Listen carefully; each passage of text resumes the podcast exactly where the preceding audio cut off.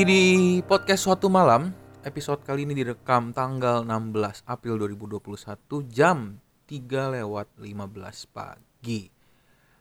Oke, jadi beberapa waktu lalu gue teleponan sama teman kuliah gue gitu ya. Dia tinggalnya di Jogja. Ya, jadi jauh lah gitu. Terus eh kita tanya-tanya lah biasa kabarnya gimana kerjaan bro apa kabar lo bokap nyokap segala macam terus eh ini kita udah lama juga nih ya nggak nggak kamp ke kampus gitu ya. Apa kabar kampus sekarang tuh? Terakhir direnovasi gitu kan.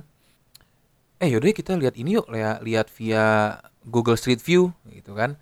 Itu loh apa aplikasi di Google Maps yang kalau lu apa pakai mouse tuh bisa tinggal maju mundur bisa lihat samping kanan kiri jalan seperti apa gitu kan. Jadi kita pakai aplikasi Google Street View. Kita lihat oh kampus sekarang kayak gini ya gitu.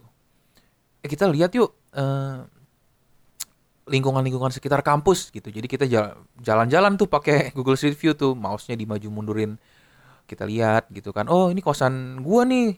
Zaman dulu masih gini-gini aja gitu kan.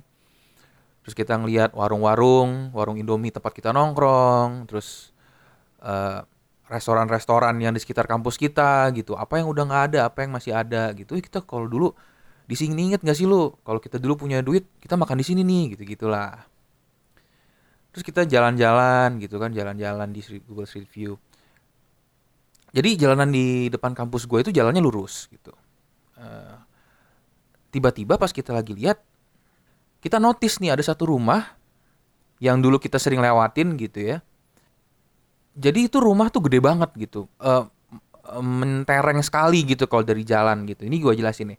Jadi kalau misalnya lu jalan, jalan kampus gue tadi lurus itu, kalau tiba-tiba kalau misalnya ada belokan ke kiri gitu, nah itu tuh rumah adanya di hook atau di pojokan gitu. Itu rumah gede banget. Eh, pagernya itu ada dua lapis men. Jadi ada pagar, terus udah gitu ada space gitu, ada ada jaraknya sedikit, ada pos satpam, terus ada pagar lagi gitu. Nih kayak rumah mafia gitu ya, security-nya ketat banget gitu. Nah, terus tiba-tiba gue keinget gitu. Oh iya ya, ini dulu pas pertama kali gue ngelihat rumah ini gitu. eh, impresi pertama gue nih langsung, wah ini mah rumah begini di Jakarta banyak nih. Udah gitu sering di acara-acara TV sinetron gitu kan. Kalau enggak acara-acara kalau misalnya ada kru TV lagi datengin rumah artis gitu rumah kayak gini tipenya gitu. Sebagai gambaran yang maksud gua itu rumah-rumah artis di TV itu misalnya kayak gini gua akan paparin secara detail ya semoga lo kebayang gitu. Jadi ketika lo lihat dari jalan gitu ya lo lihat dari jalan lo melewati rumah tersebut gitu lo akan pertama langsung tahu oh ini rumah minimal dua lantai nggak mungkin satu lantai gitu kan. Dua lantai atau lebih lah. Ketika lo lihat dari luar gitu penampakannya gitu ya gayanya nih kayaknya kalau nggak gaya Eropa Eropa gitu yang klasik-klasik atau American Classic pokoknya klasik gitu apa itu? Salah satu caranya paling gampang adalah lu kalau ngelihat dari luar tuh udah kelihatan tuh banyak banget ukiran-ukiran dekorasi begitu. Biasanya kalau lihat dari pagernya aja tuh udah full ukiran tuh. Fasad atau tampak depan rumahnya tuh full ukiran gitu kan.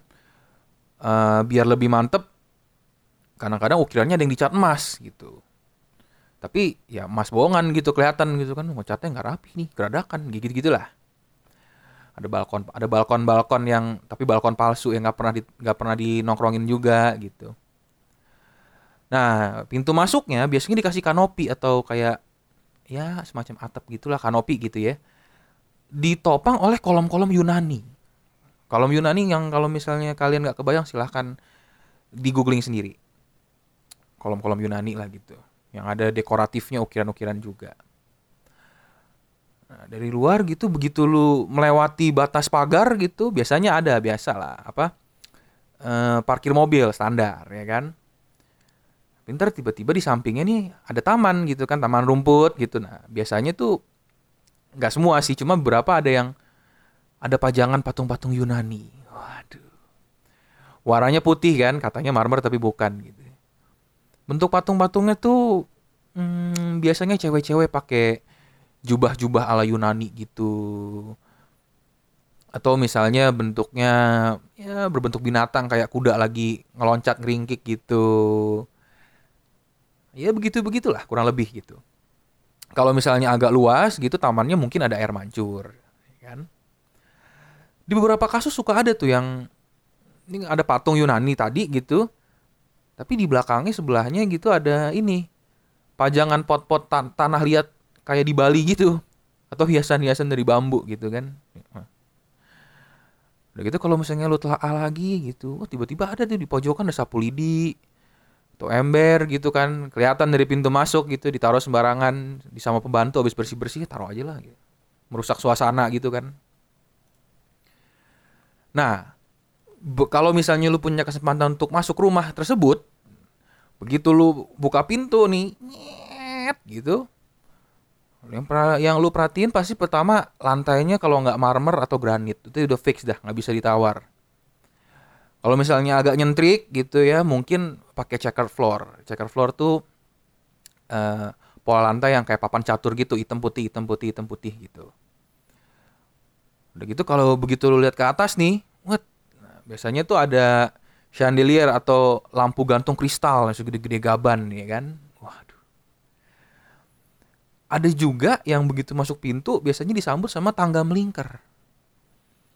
Uh, tangga ya gitu buat lantai kedua, gitu, buat lantai dua. Eh, bentuknya harus melingkar dia. Udah gitu tangganya dikarpetin merah, ya kan? Udah gitu railing atau pegangan tangannya juga harus ada ukiran-ukiran emasnya juga begitu.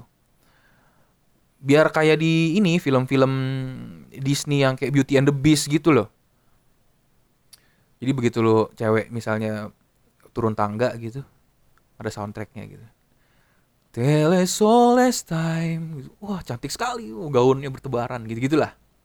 Lebay sih tapi ya kira-kira gitu. Kalau lo lihat dinding-dindingnya gitu ya, biasanya jarang yang cat polos gitu sih biasanya jarang sih. Biasanya dindingnya tuh ditempelin wallpaper gitu kan, motif-motif bunga-bunga gitu biasanya tapi bukan bunga-bunga natural ya tapi bunga-bunga yang berpola pattern kayak agak-agak gotik gitulah. Begitu lu dongak lagi gitu ya wah langit-langitnya nih juga harus penuh ukiran gitu. Wah ada dekoratif-dekoratifnya nih gimana gitu kan. Di jendela gitu lo lihat waduh gordennya tuh yang bahannya tuh lu tahu tuh tebal banget gitu kayak bahan velvet atau apa gitu. Dari atas jendela sampai lantai gitu kan wah ngejuntai Begitu lo masuk, masuk, oh nyampe living room. Begitu sampai living room lo lihat sofanya juga berukir-ukir juga. Keriting-keriting warna emas juga gitu kan. Wah, apa nih? Nah, kalau misalnya rumahnya agak luas, biasanya di samping di samping-samping living room tuh, pinggiran living room ada piano biasanya. Pianonya harus yang grand piano, nggak bisa piano yang berdiri doang nggak mau, ya kan? Belum tentu bisa main, tapi si piano itu harus ada di situ gitu. Kegunaan dia supaya living roomnya tuh makin mewah gitu, makin wow, wow. Sama ya kadang-kadang biar ya masuk IG story lah gitu, walaupun mainnya masih salah-salah, yang penting masuk IG story lah. Tai. Hmm. Itu kalau misalnya yang dari luar Eropa gitu, dalamnya Eropa, cocok masih matching ya kan. Tapi ada juga yang nggak matching gitu. Dari luar tampak bangunannya Eropa, tapi begitu masuk minimalis furnitur furnitur IKEA nih nggak nyambung sama tampaknya gitu kan. Ada juga yang dari luar wah kelihatan Eropa sekali gitu. Begitu masuk oh tiba-tiba lu nemu gitu. Ada sofa kayu ukiran Jawa gitu tuh. Apa ukiran-ukiran Jepara gitu kan. Hmm, dari mana nih? Sampai sini kira-kira udah kebayang belum ya teman-teman pendengar ya gue harap sih kebayang ya ini soalnya agak susah karena ini kan gue nge mendeskripsikan sesuatu yang visual gitu ya. Sedangkan ini kan formatnya audio. Mungkin teman-teman bisa googling-googling lah. Nah terus kan muncul pertanyaan gitu kan nih orang-orang yang punya rumah kayak gini tuh siapa sih? gitu. Setelah gue googling terus nonton video-video YouTube yang biasa lah yang wah gerbek rumah artis gitu kan. Kayak video-videonya Boy William tuh yang so asik banget gitu kan kayak hey, what's up girls what's up bro gitu ketawa-ketawa fake gitu kan kayak Jimmy Fallon gitu kayak awkward tapi di asik-asikin jadi gue perhati-perhatiin gitu ya rumah-rumah macam Eropa begini tuh umumnya dimiliki sama orang kaya atau artis. Khususnya, nah nih ya, khususnya yang angkatan generasi baby boomers atau generasi X. Uh, for your reference, uh, baby boomers itu biasanya orang-orang yang lahir di antara tahun 1946 sampai 64 dan generation X itu antara 65 sampai 80-an. Kalau generasi yang ke sini-kesini gitu, milenial dan sebagainya, rata-rata yang masih punya rumah kayak gitu adalah uh, orang kaya baru atau disebutnya first generation gitu. Sebagai referensi gue sebut aja namanya ya, mungkin kali ya lu mau googling gitu orang-orang kaya yang punya rumah model klasik Eropa. Contohnya Pak Haritanu ya. Terus ada tuh motivator tuh Pak Tung Desem Waringin gitu kan. Gue ngomongnya harus pakai Pak biar kesannya gue hormat gitu. Kan orang kaya bro ngeri tiba-tiba dikirimin mafia kan kalau nggak suka oh, serem juga. Ada bos travel apa bos travel yang ketangkep tuh first travel dulu. Nah, artis banyak ada Mas Anang yang sekarang udah jadi mertuanya Atta Halilintar. Terus Musdalifah, eh, Via Valen, Inul, eh, Andre Taulani, Nia Ramadhani dan Ati Kodong. Nah, khusus Ati Kodong nih, lu aduh lu harus search di Google ya. Lu ketik lu ketik di Google Image gitu, rumah Ati Kodong, termuncul tuh. Jadi nih orang tuh adalah penyanyi dangdut lulusan dari Akademi Indosiar uh, si mbak-mbak ini dia bikin WC di rumahnya terus difoto gitu kan masuk berita.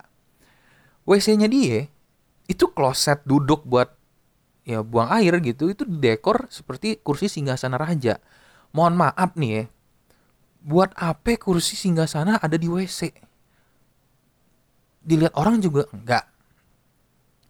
Udah gitu, emangnya lo berasa lo jadi raja ya pas lo lagi berak gitu? Ketika lu lagi launching isi perut lo yang udah sembelit tiga hari gitu kan kayak udah gue berasa powerful banget nih.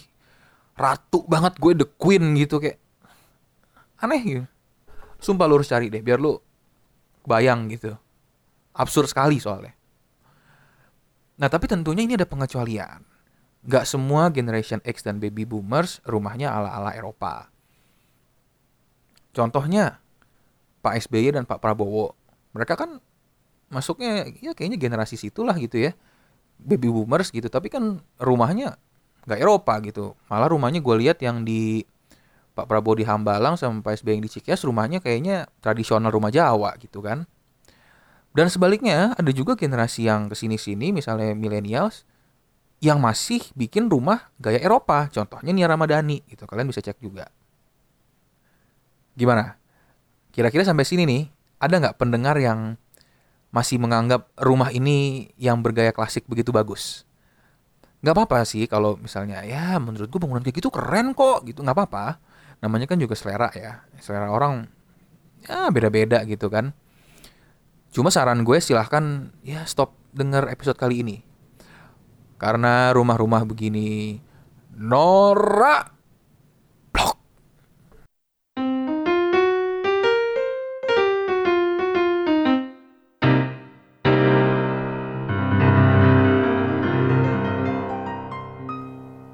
Oke, okay, kenapa menurut gua rumah gaya klasik itu norak? Uh, by the way, for the sake of discuss, biar gua gampang gitu ya, kita sebutnya gaya klasik aja nih, ya. Uh, yang tadi gue deskripsikan di awal gitu, yang rumah dengan dekorasi yang berukir-ukir berwarna emas itu kita sebut aja gaya klasik gitu, biar biar singkat. Uh, sebelum gua ngasih opini, yang mungkin kalian akan nganggep nih di sini caci maki doang nih pasti nih, hate doang nih gue akan kasih disclaimer lebih dulu. Yang pertama, topik ini tuh subjektif karena berkaitan dengan selera seseorang. Gue bisa ngasih opini sesuai apa yang menurut gue bagus atau jelek. Kalau lo nggak sependapat sama gue, terus lo mau cabut pas tengah-tengah dengerin gitu ya, monggo aja gitu. Nggak dilarang. Nah, memang buat gue, rumah klasik-klasik Eropa begini, atau apa pun yang terlalu banyak, ya tadi gitu ya, dekorasi keriting-keriting tuh emang jelek gitu. Tapi, to be fair, bukan selalu salah ownernya. Misalnya nih ya, si A beli tanah dan ada rumahnya gitu. Bangunannya udah ada, udah jadi. Tapi si A nggak punya duit lebih buat ngancurin itu rumah gitu. ya kan kalau misalnya dihancurin harus bikin dari nol kan dia nggak punya duit gitu cukupnya duitnya budget untuk beli aja gitu jadi ya udahlah luarnya aja gue cat ulang gitu dibagusin dibenerin dikit ya gue dandanin dalamnya doang bisanya gitu kan ada yang seperti itu. Nah ya kalau kayak gitu kan ya dia nggak salah gitu. Yang salah ya yang bikin bangunan itu pertama kali gitu. Kenapa lu bikinnya jelek kan gitu? Nah sekarang masuk ke opini gue nih ya masuk nih. Poin pertama gitu ya kenapa menurut gue itu jelek gitu? Gue ketika ngelihat foto-foto rumah artis gitu ya interiornya khususnya gitu. Apalagi rumahnya ini loh Musdalifah tuh gila sih gue kalau tinggal di situ ya nongkrong aja sih gue kayaknya nggak bakal betah gitu. Ramai banget pak. Kayak busway jam pulang kantor gitu penuh banget gitu. Kayak semua objek elemen yang ada di ruangan itu tuh teriak gitu minta dilihat gitu. Nggak ya dindingnya nggak ya furniturnya nggak pajangannya gitu. Kayak halo halo lihat aku ah, lihat aku aku mengkilap loh gitu. Semuanya tuh berteriak gitu nggak harmonis gitu nggak nggak ada balance keseimbangannya tuh nggak ada gitu riweh gitu yang kedua asal kopi atau asal jiplak jadi kan rumah-rumah seperti ini yang bergaya klasik kan inspirasinya itu dari istana-istana yang ada di Eropa gitu kan. Aslinya kan dari situ. Itu kalau disebutnya tuh uh, chateau gitu. Lah iya memang si rumah, rumahku adalah istanaku gitu kan. Yang tinggal itu pasti menganggap rumahnya adalah istananya gitu ya. Kecuali lo mohon maaf gitu misalnya lo broken home gitu kan, lu berantem mulu apa apa istananya gitu kan atau misalnya teman-temannya homeless gitu yang rumahnya di kolam jembatan agak sulit sih menganggap itu istana gitu ya. Nah, eh, balik lagi, tapi kan bukan berarti istana-istana di Eropa itu lo copot, lo jebret, pindahin ke Indonesia gitu. Kan nggak gitu dong prinsipnya. Jadi istana-istana atau chateau di Eropa itu kan dibangun untuk tempat tinggal para raja atau bangsawan pada zamannya gitu ya itu kan dibangun di tanah yang luas gitu ya karena mereka ya raja atau bangsawan kan punya duit banyak ya jadi tanahnya tuh luas gede gitu rumahnya tuh di tengah-tengah doang sekelilingnya itu taman-taman gitu kan pohon-pohonnya tuh disusun dibentuk cantik-cantik ada taman bunganya dihias gitu kayak di sana Versailles di Paris gitu kan jadi kalau lu dari dalam rumah lu ngelihat ke sekeliling lu tuh itu ya semua pemandangan taman gitu di Indonesia mana bisa, bos? Ya bentuknya sih boleh istana gitu. Tapi kepotong tembok tetangga, ya kan? Ba tembok batas tanah lo gitu, tetangga kan kepotong begitu. Lu mau ngeliat apa? Ngeliat taman misalnya. Nggak ada taman, rumah-rumah Indonesia mah. Semuanya dibetonin sama dikeramikin. Yang penting ruangannya luas gitu kan. Peduli amat ada taman dan nggak ada taman. Kalau lu cari uh, rumah Via Valen gitu, yang kemarin sempat kasus kan uh, mobilnya dibakar tuh itu kan ada foto rumahnya tuh tuh lu bisa lihat rumahnya tuh gaya klasik gitu walaupun nggak lebay ya nggak nggak warna-warna emas tapi bentuk bentuk rumahnya klasik gitu itu mah udah rumahnya kepotong sama tembok batas tanah gitu. Belakangnya sawah bro. Gimana sih? Nggak nyambung gitu. Beberapa artis juga yang gue perhatiin ada yang majang-majang figura isinya lafaz Allah gitu ya. Ya bro, pajangannya suci sih. Interiornya kafir. Iya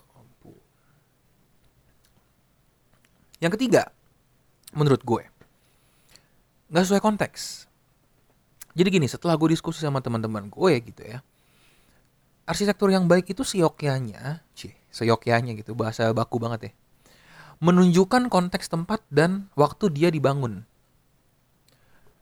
Kalau peribahasa Rusianya tuh eh, di mana bumi dipijak, di situ langit dijinjing gitu ya. Gini deh, kita mundur sedikit ke bangunan peninggalan zaman kolonial Belanda gitu. Kalau bangunan pemerintahan atau kantor kuno gitu ya, yang skalanya besar, memang masih ada gaya klasiknya. Contoh, kantor pos di daerah lo yang bangunannya peninggalan zaman Belanda atau stasiun kereta itu masih ada memang dekorasi dekorasi ukirannya gitu-gitu kan atau kayak Istana Jakarta Istana Negara Jakarta tuh itu tuh masih ada emang pakai kolom-kolom Yunani gitu tapi kalau lu ngelihat rumah tinggal jadul yang bikinan Belanda nggak ada men yang kayak gitu nggak nggak nggak nggak lebay pakai dekorasi dekorasi ukiran gitu nggak ada gitu mau di Jawa Tengah, mau di Bandung, Jawa Barat, Jakarta gitu ya. Lu cari bisa cari di Google. Gak ada rumah gaya klasik yang kayak gitu. Semuanya standar aja gitu. Atapnya tuh segitiga uh, apa sih plana ya, plana atau perisai gitu. Yang bentuknya segitiga. Bahannya genteng, bahan atapnya, ada terasnya. Itu kan ya Indonesia banget gitu, khas bangunan tropis gitu. Itu juga memunculkan uh, pertanyaan lagi gitu. Lu pernah kepikiran nggak? Kenapa hotel mewah di Bali ya, yang dibangun arsitek luar negeri itu biasanya arsitek Singapura, uh, Australia gitu-gitu, nggak ada kan yang gaya klasik? Ya, ini sorry aja sih misalnya kalau lu miskin, lu nggak pernah keluar pulau lu gitu, nggak pernah ke Bali atau ke mana ya, lu mungkin nggak ngerti gitu ya. Tapi kan setidaknya lu bisa browsing. Uh, eh, gue kasih beberapa nama hotel yang menurut gue desainnya bagus nih Alila Uluwatu, terus ada Komaneka Ubud, ada kata Mama, sama Suri Tabanan. Suri Tabanan tuh S O O R I Tabanan gitu. Atau lu bisa juga cek uh, Instagram at Bali Interiors. Itu ya, hampir semua bangunannya tuh lokal konten banget gitu. Minimalis, clean, uh, ukir ada sih pajangan ukiran-ukiran Bali tapi enak gitu penempatannya gitu lu lihatnya enak gitu nggak lebay. Sebanyak taman banyak pohon ruang terbuka banyak elemen-elemen interiornya tuh kayu gitu kan.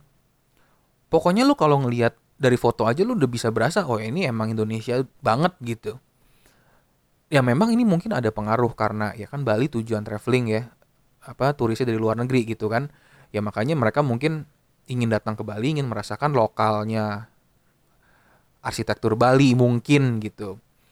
Tapi itu juga berarti bahwa bangunan lokal, bangunan dengan style lokal maksudnya, itu juga bisa kekinian dan keren gitu. Gak harus keren itu ya bangunan klasik gitu kan. Dan di Eropa sendiri bangunan barunya juga gue perhatiin hampir nggak ada gitu yang gayanya klasik kayak zaman dulu gitu yang dibangun sekarang ya. Udah ditinggalin gitu. Uh, buat referensi ya, coba lo cek website arkdaily.com itu spellingnya tuh a r c h d a i l y.com. Lu bisa cari di situ rumah-rumah tuh yang zaman sekarang tuh kayak gimana sih gitu. Beberapa karya bagus uh, arsitek Indonesia juga ada di situ. Jangan Pinterest, lo nyari referensi tuh jangan Pinterest gitu. Kalau Pinterest tuh ntar nyampur-nyampur sama interior-interior DIY bikinan ibu-ibu so ide gitu, jangan jelek-jelek. Hmm. Nah, kembali ke soal konteks gitu ya untuk sesuai konteks itu tapi juga bukan berarti lo harus ikutin bangunan adat juga gitu misalnya nih ya lo tinggal di Jakarta gitu rumah lo harus ya rumah gue harus kayak rumah adat Betawi gitu ya enggak juga gitu kan atau misalnya karena lo orang Minang gitu jadi rumah lo harus rumah gadang bentuknya kan ya enggak juga gitu ter salah-salah ntar orang orang random masuk lagi dikirain restoran makan Padang gitu kan yang jangan gitu dan bukan berarti juga karena rumah lo itu dibangun zaman sekarang, gayanya harus minimalis juga, harus modern juga, nggak juga. Bangunan lo bisa kok bergaya masa lalu gitu ya, misalnya bergaya kolonial, tapi dibikin keren gitu. E, contoh aplikasi yang bagus itu di interior Hotel Hermitage Jakarta di Menteng.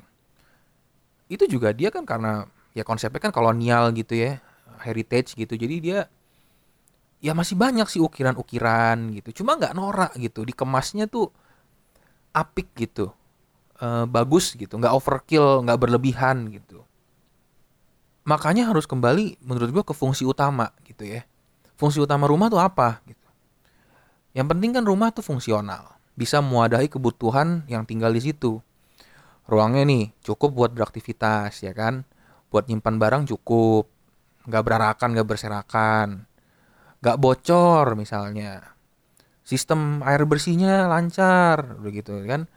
Listriknya nggak nggak naik turun naik turun apa segala macem nggak nggak korslet lo nyaman tinggal di situ. Kan yang penting kan itu tujuan lu punya rumah gitu kan itu yang penting.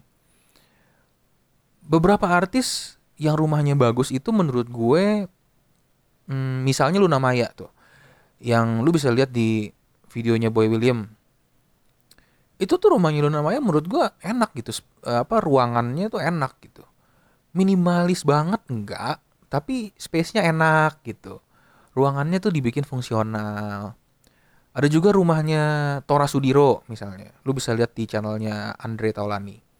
Itu rumahnya juga enak gitu kan. Atau rumahnya Andin. Living roomnya enak. Uh, banyak cahaya matahari masuk gitu kan. Dekornya juga harmonis gitu. Enak gitu lo ngelihatnya gitu. Ya rumah-rumah yang kayak tadi gitu ya. Rumah-rumah Andin Luna Maya gitu. Menurut gue berseberangan banget sama rumah-rumah yang gue sebutin di awal gitu. Yang rumah-rumah klasik begitu rumah klasik yang begitu tuh yang bagus tuh cuma dua hal men menurut gua. Yang pertama nggak ada yang pakai cat warna hijau musola kampung gitu nggak ada men. Yang hijaunya tuh neon hijau stabilo banget gitu. Ini satu bangunan dicat cat tembok apa stabilo sih gitu. Yang kedua nggak ada yang pakai WC jongkok.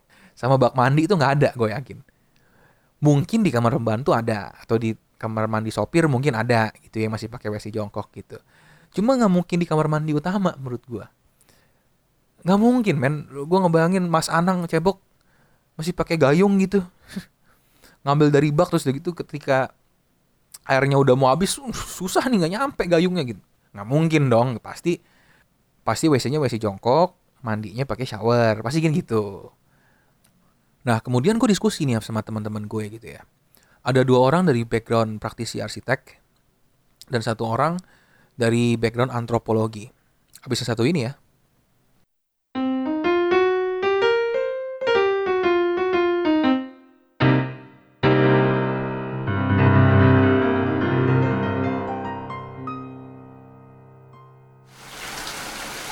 Sudah dua minggu ini Koyani menghilang tanpa kabar.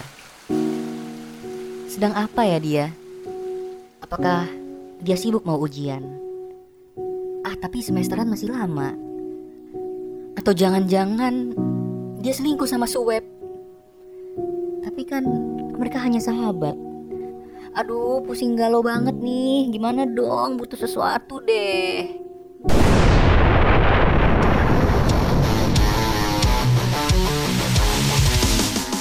Buat cowok-cowok yang hobinya galau, hisaplah rokok Gudang Galau. Rokok khusus para penggalau, nikmat, jantan, dan membantu Anda melupakan masalah asmara.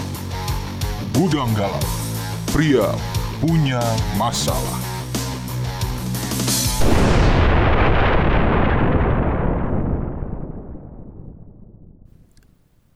Oke, jadi kan gue terusik ya. Maksud gue kayak, kenapa ya orang-orang uh, Indonesia gitu, udah ya mungkin OKB tadi atau misalnya para artis gitu, obses banget gitu, obsesi banget gitu sama rumah-rumah klasik tersebut gitu ya. Ya gue diskusi sama tiga orang teman gue.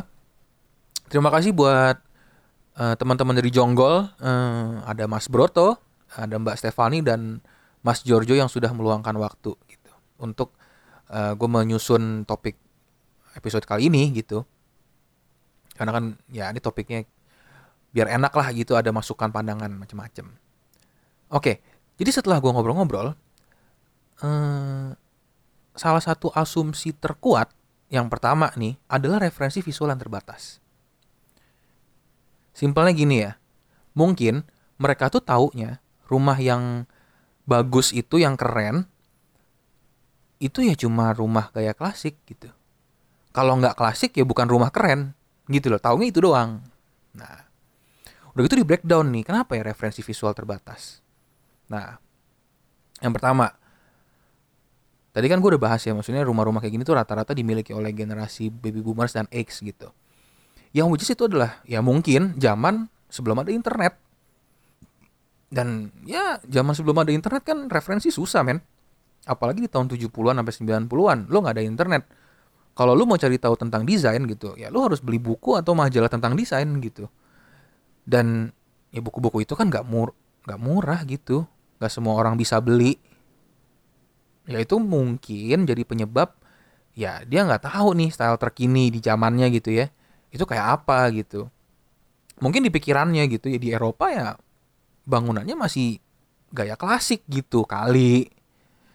Dan gue mikir-mikir juga di zaman itu traveling kan susah ya maksud gue di zaman zaman pra internet kayak gitu kan traveling murah kayak zaman sekarang gak banyak gitu yang bisa keluar negeri ya kalau nggak lu emang orang kaya gitu lu diplomat atau ya bos-bos perusahaan yang bisnis trip gitu.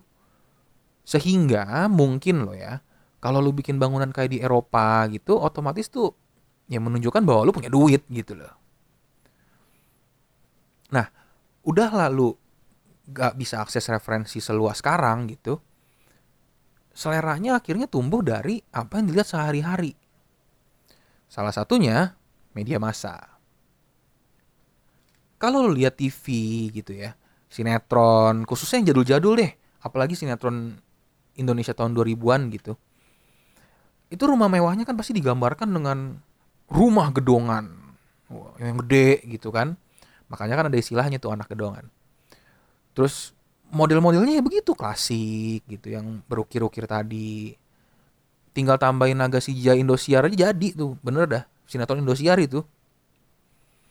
Dan gak cuma sinetron aja gue perhati-perhatiin banyak juga majalah-majalah yang tanpa sadar menghubungkan desain mahal itu ya yang klasik demikian gitu loh. Misalnya nih kayak ada majalah untuk kaum high class yang ngadain photoshoot. Tapi backgroundnya tuh temanya klasik gitu kan. Ya kan mungkin orang jadi mikir gitu oh yang mewah tuh yang klasik gitu uh, selanjutnya juga hmm, asosiasi yang ribet itu pasti lebih mahal. Jadi gini secara psikologis nih kalau kita ngelihat sesuatu barang yang kelihatannya tuh ribet gitu yang detail banget atau apa gitu ya di bayang kita tuh pasti kayak barang ini tuh pasti lebih mahal daripada yang simple atau tanda kutip biasa aja. Gini kalau misalnya lu ngelihat barang yang desainnya rumit gitu ya kan pasti lu punya kebayang gitu kayak oh ini tuh mungkin butuh craftsmanship yang lebih tinggi gitu loh. Butuh waktu pengerjaan yang lebih lama butuh keterampilan yang lebih jago dan seterusnya. Yang otomatis ya udah pasti lebih mahal. Padahal kan gak selalu kayak gitu. Desain barang yang bagus dan enak dilihat terkadang tuh lebih susah loh dibikin daripada yang ribet. Bold and underline ya yang enak dilihat. Simple tapi enak dilihat ibaratnya gini simpelnya nih. Para pendengar pasti bisa deh bikin gambar lingkaran lu tinggal ambil pensil sama kertas bisa kan? Kecuali yang tangannya buntung. Waduh. Nah intinya tapi lu bisa kan bikin bikin gambar lingkaran gitu. Lu bisa gambar lingkaran tapi kan mencong dikit kadang-kadang oval gitu. Nggak nggak nggak lingkaran tapi oval gitu kan. Kurang enak gitu ngelihatnya gitu. Sedangkan orang yang bisa gambar lingkaran tanpa penggaris tanpa alat bantu cuma jret sekali jalan gitu jadi bullet perfect itu kan butuh latihan nggak segampang itu lo bisa bikin sesuatu yang simple tapi bagus gitu. Nah kalau dalam arsitektur konteksnya ini nggak cuma enak dilihat, tapi ruangannya itu dirasainnya tuh gimana, enak nggak gitu. Misalnya nih ruangannya PW, kalau lu duduk di sofa tuh, aduh pemandangannya tuh bikin seger banget ya kalau gue buka jendela misalnya gitu kan, suasananya enak banget nih gitu. Jadi pengen berduaan sama kamu, iya.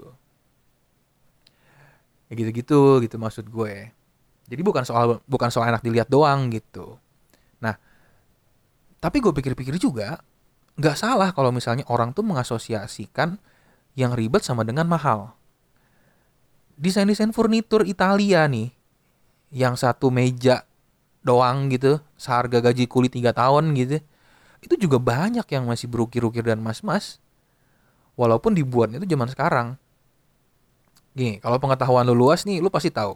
Anjing, sombong banget deh gue. Kalau pengetahuan lu luas, lu pasti tahu tentang uh, kasus kemarin rame rumahnya Vladimir Putin. Jadi Vladimir Putin itu presiden Rusia. Itu dia punya rumah yang selama ini disembunyikan dari publik. Itu rumah kontroversial banget karena super super mewah dan disinyalir dibangun dari uang korupsi dan sogokan mafia. Gitu kan? Akhirnya tuh rumah itu dibongkar sama oposisinya dia. Uh, foto-fotonya dalamnya gitu segala macem. Rumah itu dibangun tahun 2005 baru jadi tahun 2019 2020 gitu. Dalamnya ada kolam renang panggung teater kasino strip club dan ice ring. Itu loh apa? Buat ice skating gitu.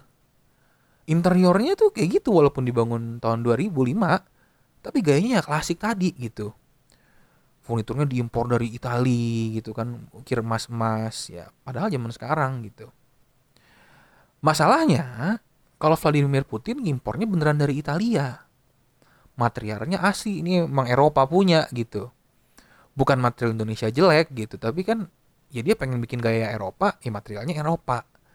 Ya kalau buatan Indonesia kan kadang-kadang yang kayak gue bilang tadi emasnya cat doang gitu dan yang desain tuh ya beneran arsitek Eropa gitu. Kalau nggak salah arsitek Istali deh yang bikin rumahnya Putin itu. Di Indonesia kan yang bikin siapa lah Jajat Sudrajat dari Garut gitu kan yang yang bikin rumahnya gitu ya. Beda dong gitu maksud gue gitu loh. Nah udah referensi visual lu terbatas ya kan. Taunya yang bagus begitu doang. Udah gitu ya tadi misalnya lu mengasosiasikan yang yang ribet-ribet yang ukiran-ukiran itu sama dengan yang mewah jadinya lu semakin susah untuk mungkin ya semakin susah untuk bisa mengapresiat bentuk style yang lain gitu. Jadi lu nggak tahu nih misalnya bentuk yang simple tuh kayak apa gitu.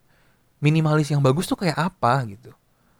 Masa rumah gua kayak kafe-kafe kekinian yang di mall-mall gitu kan ya males banget ya mungkin kan gitu gitu karena dia nggak tahu gitu aplikasi kalau gaya misalnya gaya minimalis tadi di rumah tuh juga bisa gitu loh ya ibaratnya gini deh tiap hari makanannya nasi sama lauk gado-gado giran lu dikasih makan pizza ya nggak masuk gitu. Apaan anjing pizza? Eh, roti doang nggak kenyang. Biasa bro orang Indonesia. Itu perut kalau belum kena nasi bukan makan ya kan? Nah tapi ini juga harus dilihat dari mungkin ya sisi arsitek sebagai penyedia jasa. Ini orang misalnya kan nggak tahu nih kalau misalnya ada style lain yang bagus yang tahun yang bagus cuma klasik. Arsiteknya ngasih tahu nggak? Gitu. Pas misalnya ketemu gitu arsiteknya pak ini tuh ada loh gaya lain misalnya kayak gini bagus nih mau coba nggak? Gitu. Kan harusnya arsiteknya ngasih tahu gitu. Ya kecuali arsiteknya lagi BU gitu ya lagi butuh duit jadi ya udahlah gue iyain aja klien mau apa duitnya gue terima terus gue cabut. Ya, itu udah beda masalah lah gitu ya Oke, itu tadi tentang referensi visual yang terbatas gitu ya. Nggak punya pengetahuan lebih lah tentang gaya style yang lain dan sebagainya. Selain itu juga, gue perhatiin mungkin, nah ini asumsi yang kedua, adalah pamer. Gue kan tadi udah sebut ya bahwa kayak mayoritas adalah orang kaya baru pada zamannya mungkin gitu ya. Atau first generation yang mencapai kemakmuran gitu, terus bikin rumah klasik ya salah satu ciri OKB adalah ya gue perlu pamer kemewahan gitu. Dengan cara yang flashy gitu yang wah. Gue harus sedikit dari arsitektur. Biar biar lo kebayang maksud gue kemarin kan sempat rame tuh yang ada kampung di Jawa gitu. Uh, tanahnya baru dibeli Pertamina langsung borong Alphard sekampung gitu kan tentang mobil lagi lu bisa cari nih ya. Ini sih gua saranin lu cari biar lu kebayang betapa wadaunya. Ada dua. Yang pertama mobil Haji Sugandi. Mobil Toyota Yaris yang dipunyai oleh Haji Sugandi. Yang kedua adalah mobil Jeep warna oranye yang dipunyai oleh jenderal tentara gitu namanya Harto. Bukan Soeharto, tapi maksudnya emang nama dia Harto gitu. Jadi kedua mobil ini itu body mobilnya ditempelin batu akik sama kalau yang mobil Haji Suganti itu ditempelin kayak berlian-berlian begitu. Yang pertama nih, kok bisa ya mereka menganggap itu bagus gitu. Yang kedua, yang paling bikin penasaran, itu nempel nempel batu akik ke bodi mobil tuh pakai lem apa ya coba? Pakai lem uhu nggak mungkin apalagi uhu yang lipstick tuh yang buat kertas ya kan? Nggak mungkin lu pakai begituan. Pakai lem super glue ntar rusak bodi mobilnya. Penasaran gitu nempelnya pakai apa? Lu lihat artis-artis ya di Indonesia umumnya yang backgroundnya mantan biduan dangdut. Buset dah. Ini kalau mereka lagi lu kan sering lihat mungkin di infotainment atau di Instagramnya gitu kalau lagi jalan-jalan gitu ya. Lagi jalan-jalan nih bukan lagi manggung dananya menor banget pak. Dari ujung rambut sampai ujung kaki itu brandnya harus nongol tuh. Harus kelihatan gitu. Wow misalnya ban pinggangnya LV bajunya Chanel tasnya Versace sepatunya Yayah Komariah gitu kan pokoknya harus kelihatan gitu semua harus nongol gitu. Kalau bisa celana dalamnya juga kelihatan tuh mereknya apa nah buat apa? Brand-brand kelihatan mobil dihias-hias kayak gitu. Ya kan mungkin buat nunjukin lu orang kaya gitu padahal di luar negeri tuh nggak gitu-gitu amat loh. Sebagai perbandingan ya ini kalau artis nih lu coba googling deh uh, artis-artis Hollywood kalau misalnya lagi jalan-jalan biasa aja gitu di pinggiran jalan gitu. Lo ketik nama-nama gede kayak Taylor Swift kayak Jennifer Lawrence Anne Hathaway siapalah gitu. Itu kalau di foto paparazzi ini dia lagi jalan aja gitu di pinggir jalan lagi santai gitu bawa kopi gitu. Bukan di red carpet nih ya lagi jalan gitu itu biasa aja. Danannya itu nggak menor. Ya udah santai aja kayak orang biasa aja gitu. Ya mereka tetap pakai tas bermerek gitu. Ya nggak mungkin juga kan lo ngeliat Taylor Swift pakai tas KW Mangga 2 atau tas KW Tajur Bogor kan nggak mungkin gitu ya. tapi maksudnya tetap bermerek tapi nggak menor sampai nggak keruan gitu. Salah satu aktor idola gue kan Chris Hemsworth ya karena ya karena dia gondrong dulu di Thor. Nah jadi Chris Hemsworth itu kalau lu lihat gue cari nih fotonya gitu Chris Hemsworth lagi di jalan gitu ya. Itu ya udah gitu santai banget gitu. Pakai kacamata hitam pakai kaos kaos oblong aja gitu biasa polos gitu. Meja sobek-sobek udah selesai gitu. Yang yang begini-begini nih kalau lu lihat dari jauh gitu lu nggak akan ngelihat mereka artis gitu. Biasa banget outfitnya kayak orang biasa.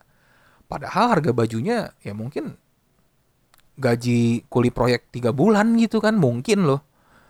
Ya karena kan nggak mungkin Chris Hemsworth pakai t-shirt beli di Shopee kan nggak mungkin gitu loh. Ya maksudnya bahannya tiga kali nyusut kalau dicuci.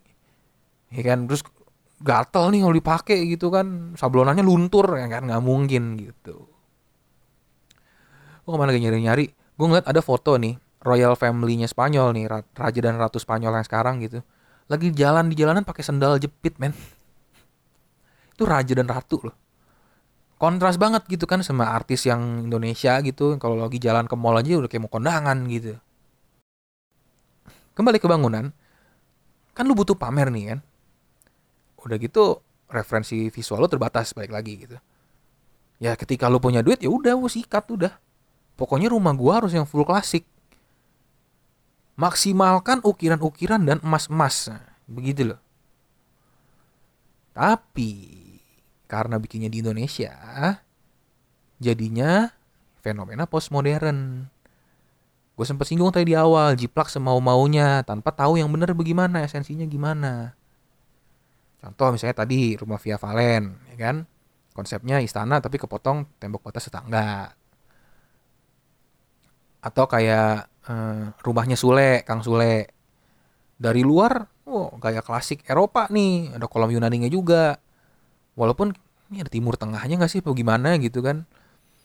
Tapi dalamnya ada saung Sunda gitu. Ya kan jadi nggak jelas gitu, mana ada bangunan Eropa ada saung Sunda di dalamnya.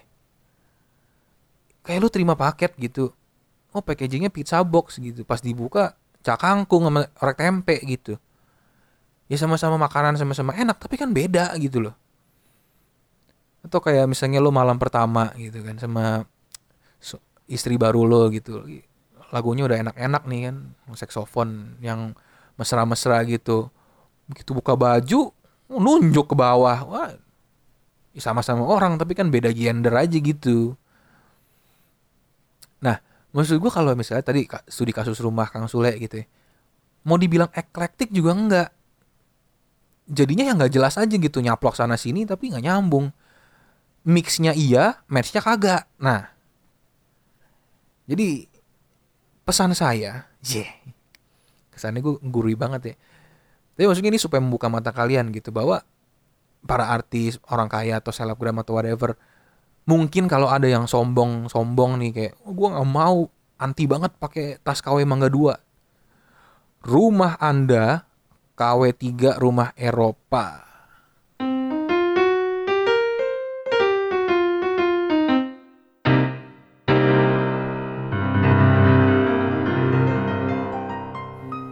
pas gue diskusi kemarin, temen gue yang arsitek tiba-tiba eh, nanya si Mas Broto, kenapa ya orang Indonesia tuh bisa tergila-gila sama eh, desain Apple yang begitu simple, tapi itu nggak bisa dibawa saat lo ngeliat bangunan gitu. Setelah gue ngulik-ngulik gitu, jawabannya ada dua. Yang pertama, subjek atau pengetahuan arsitektur it- untuk orang awam tuh ya nggak sepenting itu. Misalnya gini, kalau kesehatan kan penting. Semua orang ya kurang lebih tahu lah. Semua orang tahu tentang bahaya penyakit. Semua orang tahu tentang olahraga penting untuk menjaga kesehatan tubuh lo gitu. Semua orang tahu pentingnya cuci tangan untuk mencegah corona gitu kan. Sedangkan ya kalau lo nggak paham arsitektur atau interior, rumah lo jelek nggak apa-apa. Lo masih bisa hidup gitu. Ibaratnya gini, perokok kan punya pengetahuan deh bahwa ngerokok tuh nggak bagus. Tetap aja ngerokok gitu. Ya apalagi orang awam yang nggak ngerti apa-apa tentang arsitektur gitu. Bodoh amat lah rumah mau kayak gimana juga. Rumah dibangun ngasal nih. Atap bocor, ntar tinggal tambel. Warna rumahnya, warna temboknya hijau. E, musola gitu yang hijau neon. Nggak apa-apa. Kalau bosan tinggal gue cat ulang.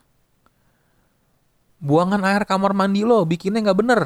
Keluar kecoa mulu gampang ambil sendal jepit teplok aja itu kecoa kan gitu. Yang kedua karya arsitektur yang bergaya modern atau minimalis atau apa pun itulah yang di luar gaya klasik tadi ya yang keriting-keriting kayaknya tuh belum dianggap sebagai barang mewah sama masyarakat umum.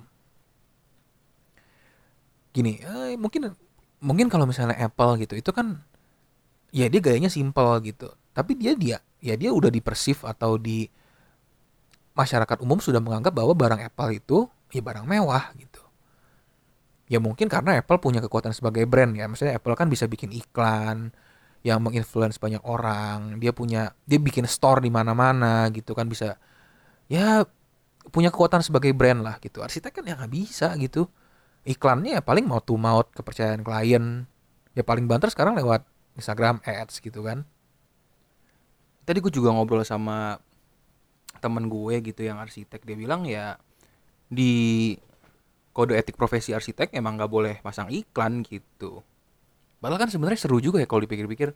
Eh, dibayangin gitu misalnya kayak arsitek tuh boleh eh, mengiklan secara bebas udah gitu formatnya kayak kampanye-kampanye pilkada gitu kan atau calon calon legislatif gitu misalnya kayak kalau misalnya spanduk-spanduk pilkada kan pilih Tugimin nomor 7 sebagai caleg DPRD Jawa Timur. Muda, cerdas, dan pekerja keras.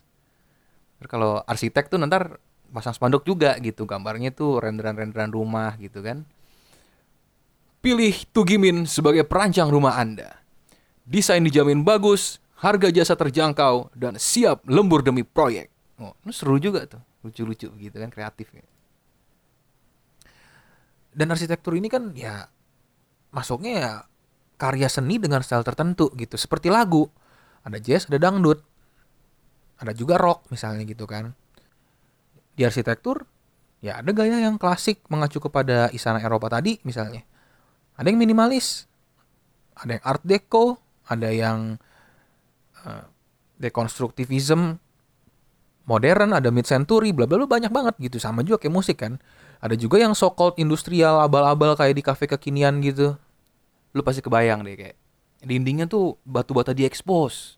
Lantainya dari beton sama kasih lampu warna hitam dicat hitam gitu pipa-pipanya. Wah industrial padahal mah apaan gitu kan.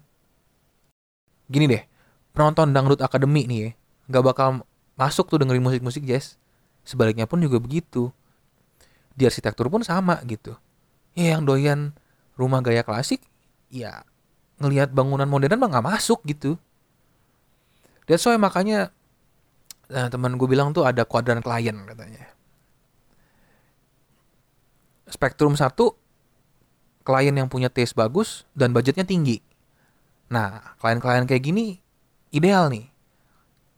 Uh, arsiteknya juga senang ngerjain proyeknya gitu kan bisa dipamerin. Spektrum kedua, kliennya punya taste bagus, budgetnya rendah. Nah, yang kayak gini biasanya masih bisa diakal-akalin. Turunin materialnya lah yang speknya di bawah sedikit gitu. Tapi kan yang penting uh, hasilnya tetap bagus gitu kelihatannya. Spektrum ketiga, taste-nya jelek, tapi budgetnya tinggi. Kalau yang kayak gini, ya udahlah, ikutin aja maunya apa dah udah. Yang penting terima duitnya gue cabut. Spektrum keempat, udah taste-nya jelek, budgetnya rendah. Nah yang kayak gini udah ke laut aja, kan gitu. Ya balik lagi makanya. Seperti yang gue bilang di awal tadi, ini soal selera, tergantung cocok-cocokan sama arsiteknya. Subjektif nih tes yang bagus atau jelek gitu. Mas Anang, tajir begitu kan, tajir mampus Mas Anang. Dia pasti bisa menyewa jasa arsitek top Indonesia gitu yang gayanya kekinian banget gitu. Misalnya Andra Matin, Yori Antar, Budi Pradono atau siapa lah gitu. Yang Mas Anang nggak bisa hire itu cuma Bung Karno. Ya kan nggak mungkin dong masa Bung Karno udah meninggal dibangkitin lagi, dibangkitin lagi dari kubur buat suruh kerja gitu kan yang nggak mungkin gitu itu info sekilas bahwa ya Soekarno itu sebelum jadi presiden ya dia profesinya arsitek. Ya balik lagi, maksudnya kan Mas Anang tetap memilih arsitek yang mau bikinin dia rumah gaya klasik. Hmm, rumah keriting. Rumah keriting aku sih yes. Intinya dari episode kali ini tuh gue pengen cerita tentang keresahan gue. Bahwa ini kenapa sih rumah-rumah klasik Eropa begini masih ada aja gitu yang minat gitu gak banget padahal gitu menurut gua ya. Dan balik lagi subjektif semuanya. Topik ini kan ya berkaitan soal selera gitu nggak ada yang benar nggak ada yang salah. Kalau Mas Anang seneng rumahnya yang di sana begitu ya nggak apa-apa. Duit juga duit dia yang tinggal juga dia. Cuma kalau gua nanti bikin rumah nggak bakal begitu. Gila gue berusaha tone down biar kesannya gue nggak bici banget nih. Cuma ya gue yakin orang-orang yang doyannya rumah klasik juga nggak bakal dengerin gue sampai habis juga sih jadi kayak ya udah. Oh iya uh, untuk para pendengar ikhwan dan akhwat sekalian yang uh, yang sedang menjalankan ibadah puasa semoga di bulan suci ini membawa berkah puasanya juga pada lancar. Oke sekian dari gue. Gue rocker manja pamit. Bye